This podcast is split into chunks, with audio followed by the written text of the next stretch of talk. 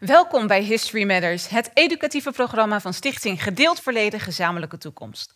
In dit programma worden we bijgepraat over het koloniale en slavernijverleden van Rotterdam.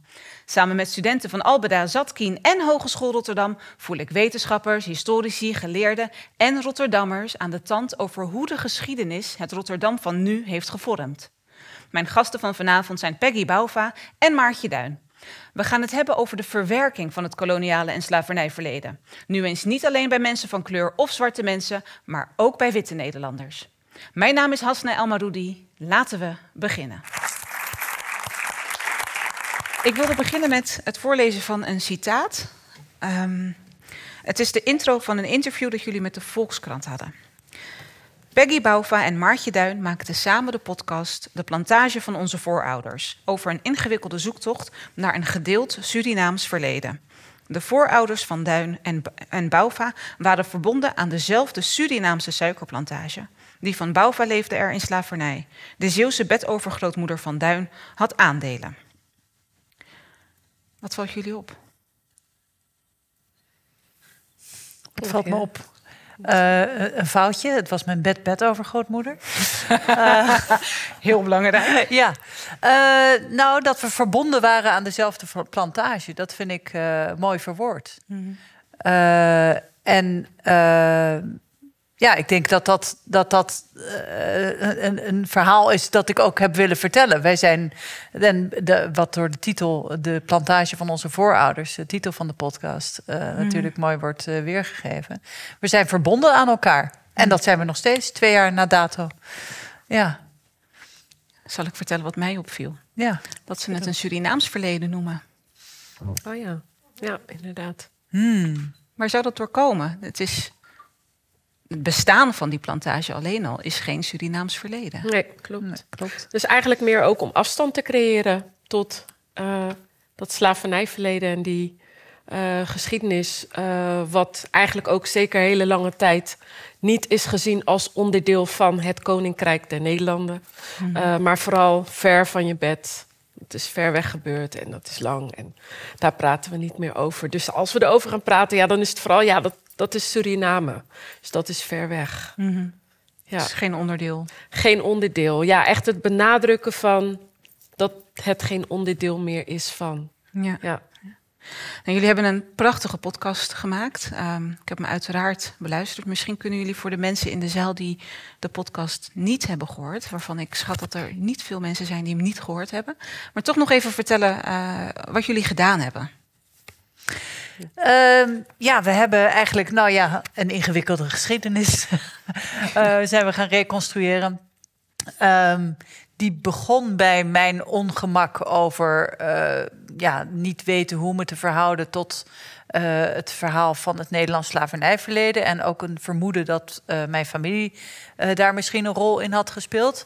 Omdat ik wist, die hebben een, een, lange stamboom die ver teruggaat. En waar vast ook allerlei koloniale lijnen doorheen lopen.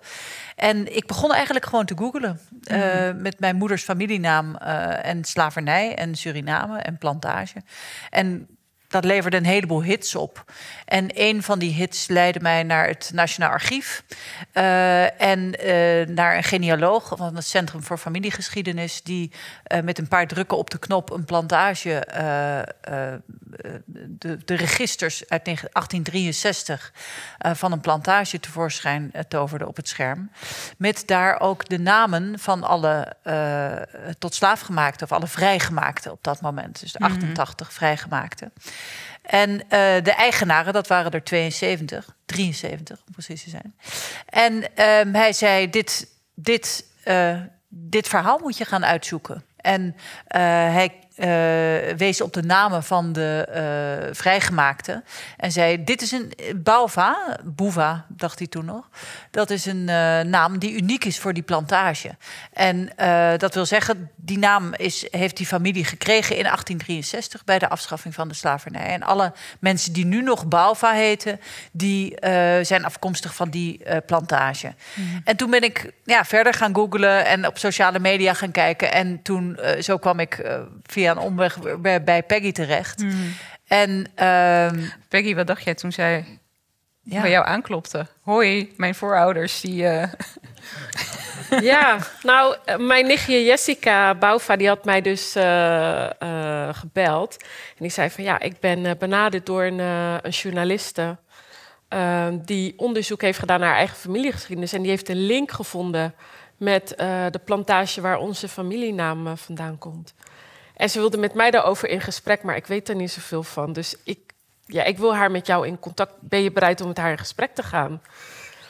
En ik was uh, heel erg benieuwd en nieuwsgierig naar wat haar dreef om na al die jaren. Uh, nou ja, ik, ik, ik, het was 2018 volgens mij, ja. oktober 2018. En uh, ja, ik was heel erg benieuwd wat, wat haar drijfveer was om dat uit te zoeken. En ik was ook nieuwsgierig met welk doel zij dat uh, ging uitzoeken. Mhm. en, en ik was ook tegelijkertijd heel erg uh, benieuwd naar uh, heel veel informatie met betrekking tot dat stukje geschiedenis. Ik wist wel al de namen, mm maar ja, ik wilde graag ook wat meer details weten. Dus ja, ik was heel erg uh, nieuwsgierig. Dus ik heb haar, nou ja, Maartje heeft mij gebeld en ik zei: kom langs en we gaan in gesprek. Ja. ja. En had je al een doel voor ogen? Dat je haar meteen kon vertellen: Nou, dit is mijn doel. Ik. Of wilde je vooral mm. gewoon gaandeweg?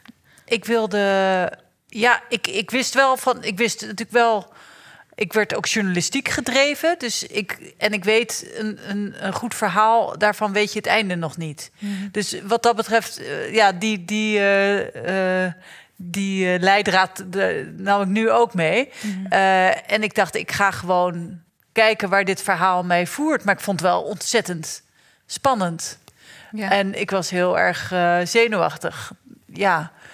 Het uh, leidde ook wel tot veel ongemakkelijke gesprekken, moet ik zeggen. Zeker, ja. zeker. Ja. Nou, gewoon die avond alleen al um, werd, werd, ik door, door jou kijken op dat verhaal al helemaal op een ander, uh, ander been gezet. Want wat was dat dat je op een ander been werd gezet? nou ja, vooral toch dat ik daar een beetje aankwam, op jouw stoep stond met, eh, met een schuldgevoel. En uh, dacht ik ook dacht dat het verhaal daarover moest gaan. De werktitel was toen nog Guilt Trip. Dat is al. dat zegt al genoeg. Dat was echt versie 0.0 van het, van het plan. Maar. Uh, Doet heel even hoor. nee, vreselijk. Maar goed, oké, okay, nou ja, vind ik nu. Maar ja, toen was ik ja. nog niet zo ver.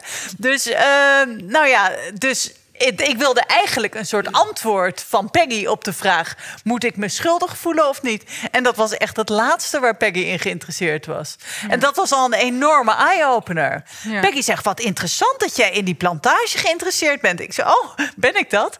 Uh, ja, oké. Oh, wat, wat, wat, ik wil weten is: wat is daar gebeurd? Wat, wat, uh, nou, heel erg die geschiedenis, die feiten. Mhm. En dat was al zo'n andere benadering. En nou, dit zit uiteindelijk niet in de podcast, maar ik, ik heb toen toen wel gezegd van... ja, nee, ik dacht eigenlijk dat het over schuldgevoel moest gaan. Maar uh, als jij dat niet vindt, dan moet het misschien heel ergens anders over gaan. Ja. Nou, uiteindelijk is het natuurlijk eh, wel weer over schuldgevoel. Ik bedoel, zijn, die, bij, gekomen, zijn ja. die beide uh, wensen uh, in het verhaal verwerkt? verwerkt? Ja. ja. Ja, het, is, het zit er inderdaad in verweven.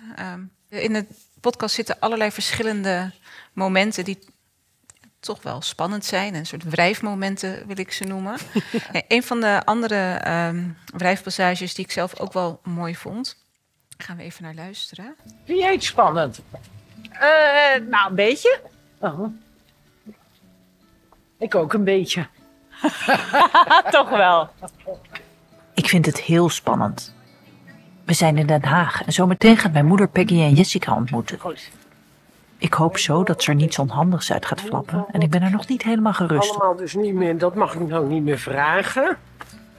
Ik zou graag een lijst krijgen met wat ik niet moet vragen of niet moet zeggen. Het gaat niet om niet iets mogen. Het gaat gewoon om, als je dan eenmaal weet dat mensen daar aanstoot aan nemen. Spontaan mezelf kunnen zijn. Ik ben één keer te ver gegaan in dit opzicht.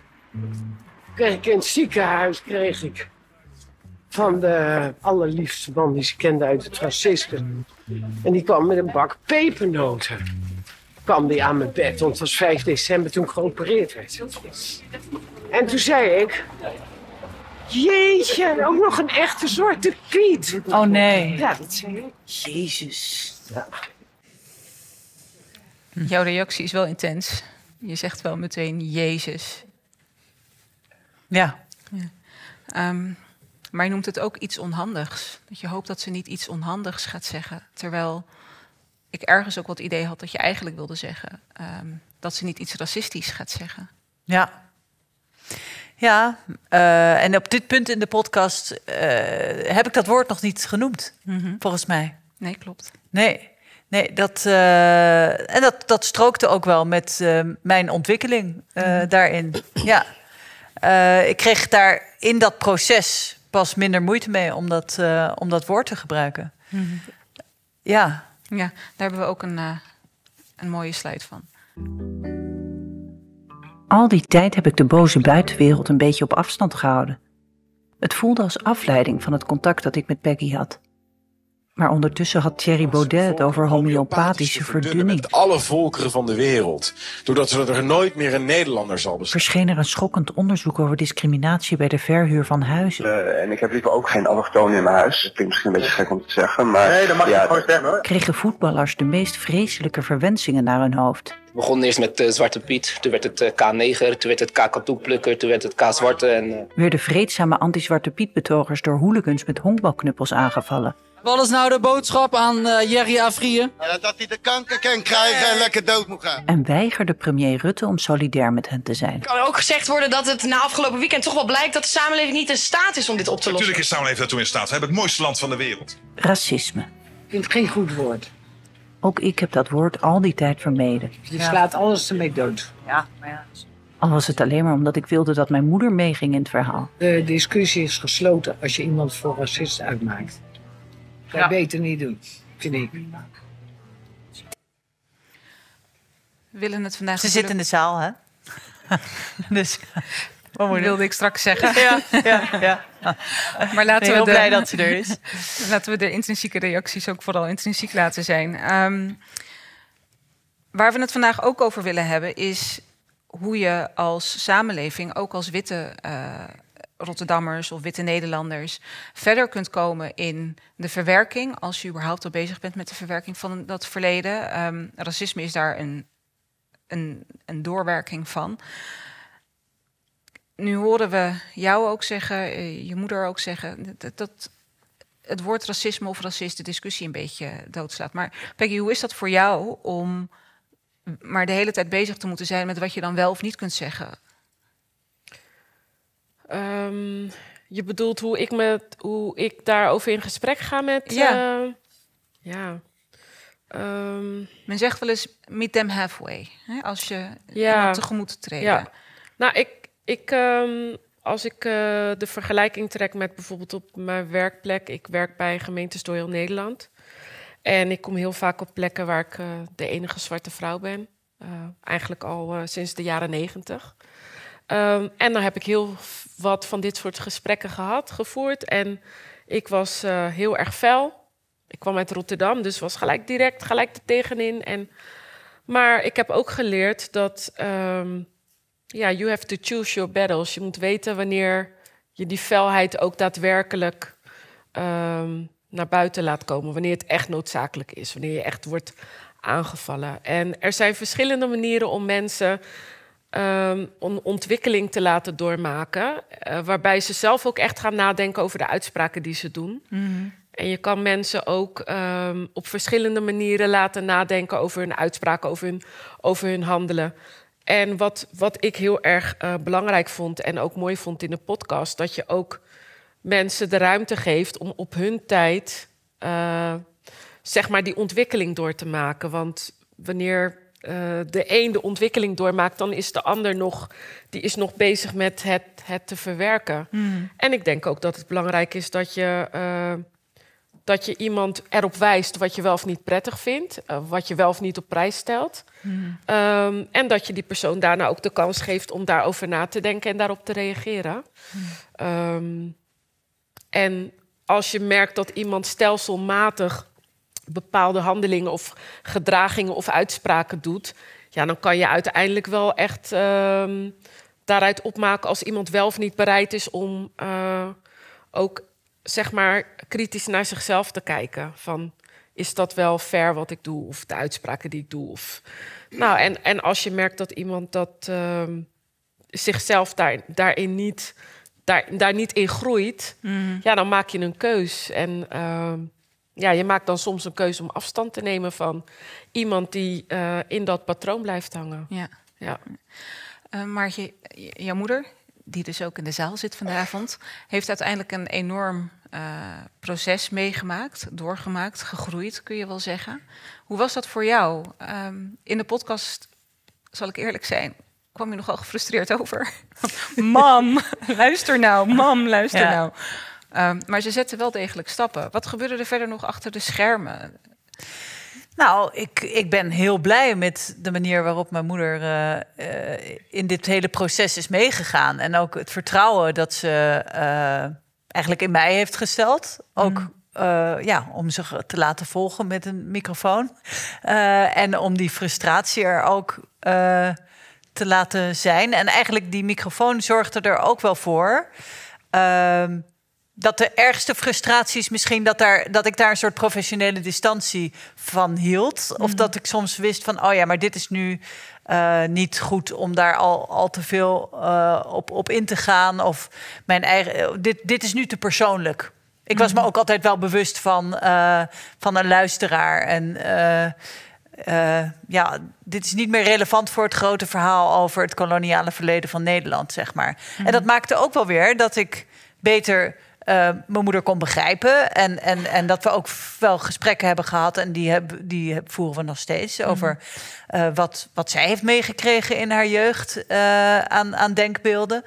En ehm, ja, dat maakte ook wel dat er, dat er veel meer mogelijkheid tot gesprek was.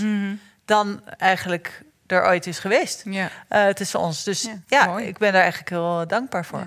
Ehm, waar ik ook wel benieuwd naar ben, is eh, de blokkade die zij eh, had en ervaarde om überhaupt met het onderwerp te dealen.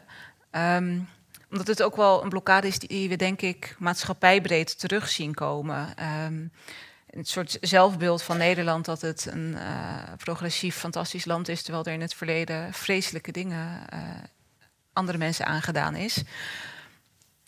Kun je heel specifiek zeggen waar die blokkade vandaan kwam, wat dat was? Nou ja, dat vind ik wel heel lastig Ja, om dat zo over mijn ik. moeder te zeggen. Zeker als ze hier, eh, hierbij zit. Nou, maar als, het, misschien... als het niet klopt, dan mag ze heel hard roepen achteraf graag dat het niet klopt. En dan komen we met de microfoon naar haar toe. Ja, maar het is ook volgens mij niet een persoonlijke blokkade waar je naar vraagt, maar een algemene eh, blokkade van Nederlanders waarom dit zo moeilijk onder ogen te zien is. Ja, toch? waar zij misschien een hele mooie illustratie van was. Ja, nou ja, dat heeft natuurlijk gewoon te maken met de verhalen die ons verteld zijn, de geschiedenisboeken die we hebben Wat zijn die gekregen. verhalen? Wat stond er in die Eh? Nou, toch, toch. eh, wij- dit, mijn moeder is natuurlijk van de generatie. eh, hè, haar, haar vader heeft in kamp Amersfoort gezeten in de Tweede Wereldoorlog. Die stond aan de, aan de goede, omdat hij de arbeidseinsatz weigerde, die stond aan de goede kant. Dat is het bij de Tweede Wereldoorlog. Dat is het grote trauma, eh, het verhaal dat we hebben meegekregen en dat we natuurlijk elk jaar herdenken. En ehm, dat, dat het verdere verhaal is ook in mijn moeders jeugd natuurlijk nooit. Ze heeft het nooit gezien. Ik bedoel, wij kwamen hier. We zijn dus in Rotterdam komen wonen ook. eh, in de jaren tachtig, eh, begin jaren tachtig. En ik zat wel op school met, met kinderen uit Suriname. Maar ja, hoe dat dan precies ja, die, dat, dat werden ook niet hele nauwe vriendschappen. Maar mijn moeder, eh, hè, ik ging daar pas later over nadenken. Waar, waar komen mensen dan vandaan en zo. Maar mijn moeder heeft dat helemaal niet aan den lijve. eh, in haar jeugd in ieder geval niet meegekregen. Ehm, dus ehm, Zij groeide eigenlijk op in een witte bubbel. ja, Ehm, we werken bij History Matters samen met een aantal verschillende scholen. ehm, Hogeschool Rotterdam, Albeda. Eh, vandaag ook het First Lyceum. En zij hebben een aantal vragen voor jullie voorbereid. Elise, je hebt een vraag die ergens min of meer al beantwoord is. Maar ik denk dat je hem desondanks nog een keer kunt stellen. Wat voor emoties kwamen kijken toen je erachter kwam dat jouw voorouders een plantage hebben gehad? Ehm, Nou, mijn voorouders hadden niet alleen een plantage gehad, maar ze hadden eigenlijk allerlei eh, eh, functies in dat slavernijsysteem. Dus ook uh, gouverneurs en, en bestuurders van de, van de West-Indische Compagnie, de Sociëteit van Suriname. Er waren eigenlijk allemaal in, in voorbije eeuwen allemaal ehm, ja, voorouders die een rol hadden gespeeld. en daar ehm, ja, ik, toen ik dus die eerste Google search, dat was wel echt een, een, een schok. En vooral een gevoel van: oké, nu kan ik niet meer terug. Nu moet ik hier iets mee. Nu ik dit weet, ik kan dit niet meer ontgoogelen. En ik bedoel, ja. En ik heb ook, en ik had ook een deadline. Ik had ook een deadline mezelf laten opleggen. Dus ik dacht, oké, dus dit verhaal moet ik dan gaan vertellen. Uh, en dat vond ik heel erg moeilijk, vooral. Ja, hoe, hoe ga ik dat dan vertellen? En hoe ga ik dat zo. Ik was toch ook wel bang om daar mensen in teleur te stellen, mensen van me te vervreemden. Uh, aan beide zijden. Hmm. Dat, dat heb ik heel erg moeilijk gevonden. We hebben het al even gehad over hoe um, sommige witte mensen het verleden niet uh, onder ogen willen komen. Er is in jullie podcastserie ook een aflevering die heet Het Surinaamse Zwijgen. Peggy, wat is dat?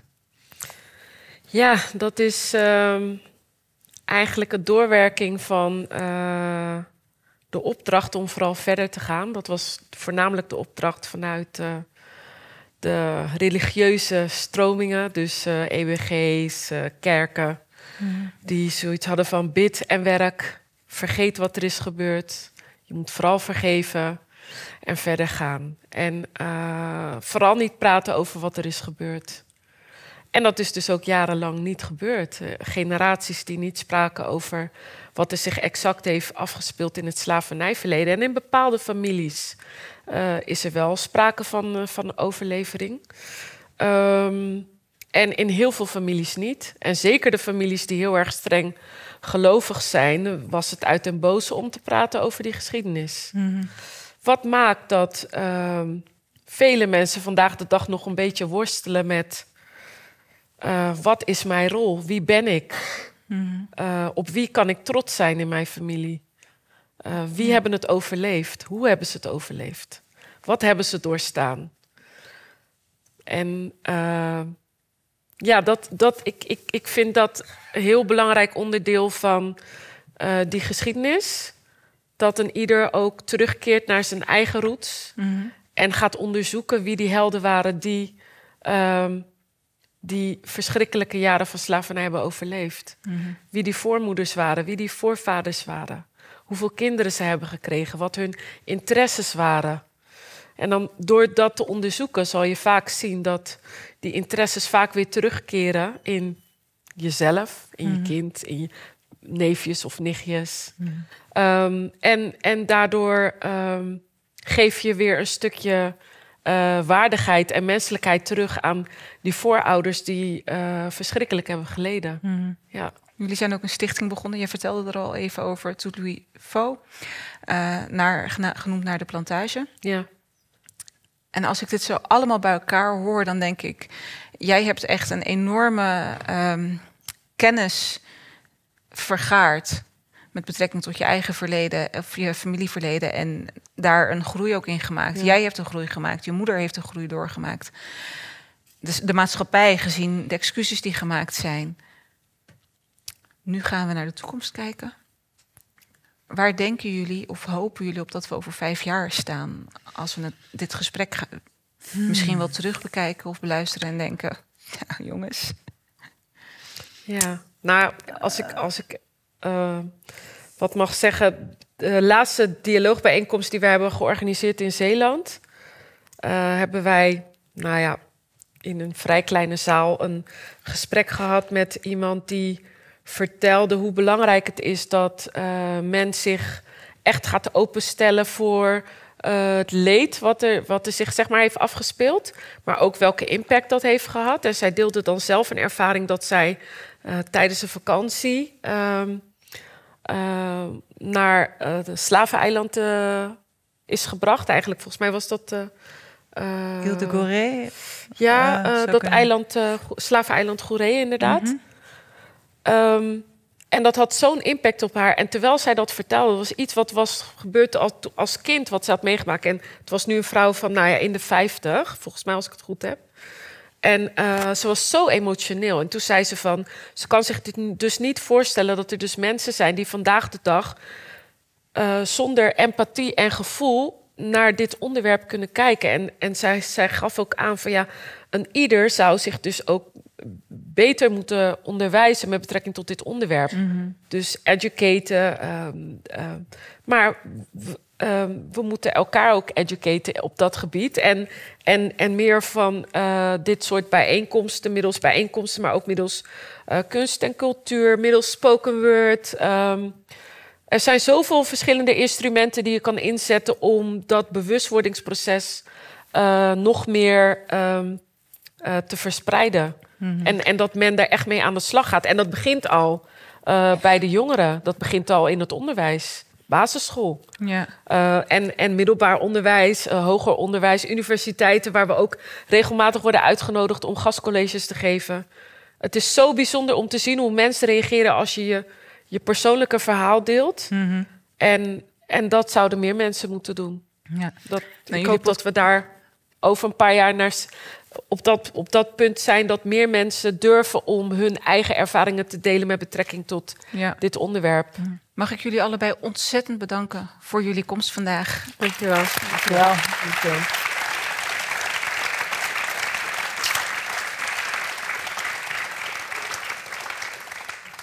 En blijf vooral lekker zitten, want we gaan nog naar spoken word.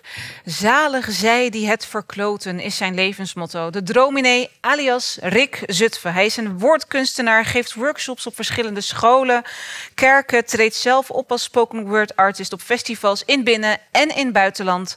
Werkt samen met bands en DJ's. Vandaag is hij zijn eigen DJ.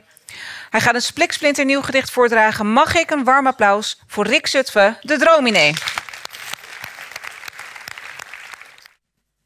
Land in zich, land in zich, land in zich, land in zich, land in zich, land in zich, land in zich, land in zich, land in zich, land in zich.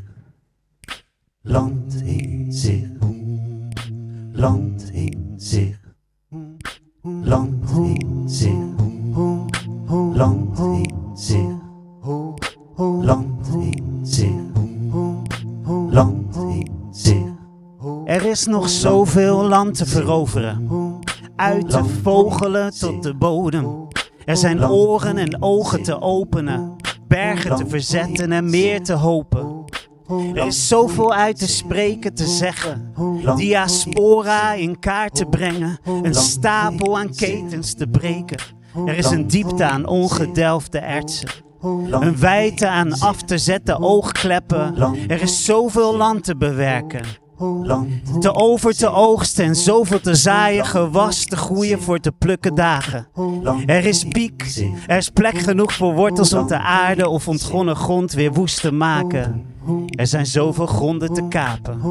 Stuipen van verleden op te jagen. Oh, zoveel wat moet komen boven water. Er zijn zeeën aan onrecht te havenen. Kades aan vooroordelen te verlaten. Zoveel ivoor witte torens van Babel. Door wind van verandering om ver te blazen. Zoveel gebroken fases op plantage.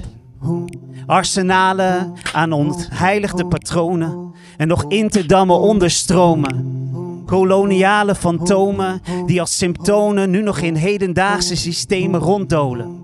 En er zijn tranen te wissen uit ogen. Mogen we hersenen depolariseren, zielen decoloniseren. Laat recht als een rivier stromen, dan is er liefde te polderen. Om zo een nieuwe staat van zijn te bevolken. Dus sla bruggen over ongedichte kloven.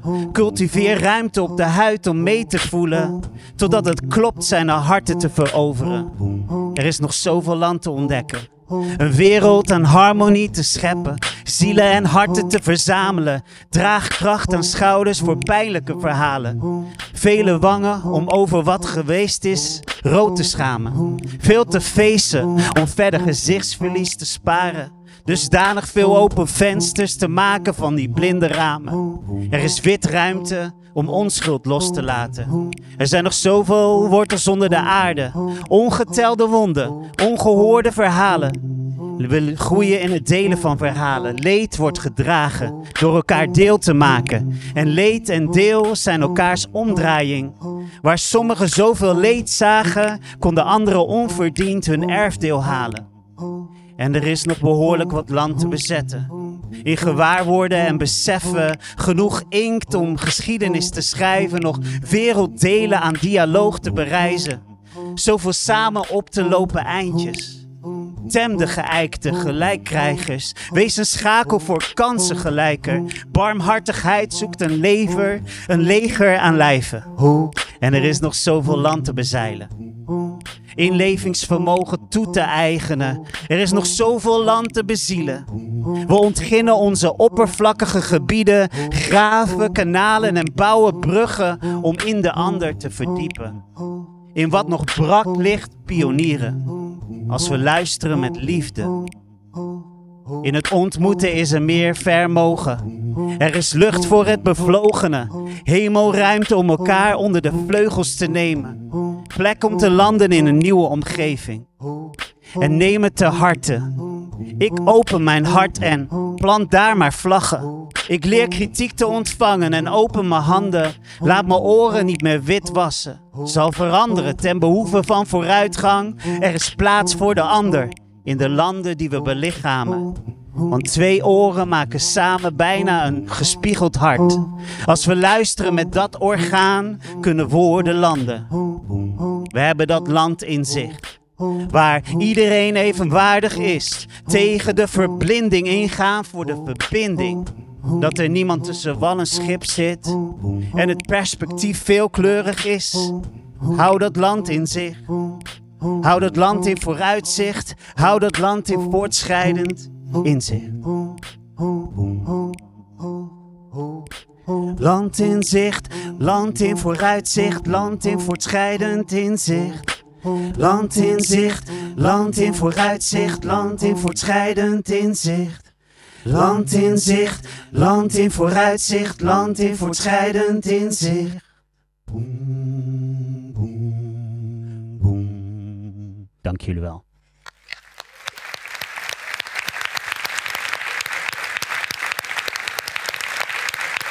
En hiermee zijn we aan het einde gekomen van deze aflevering. Peggy, Maartje, mag ik jullie enorm bedanken voor jullie komst. En onze gastredacteuren, de studenten uiteraard. En jullie hier, de mensen in de zaal.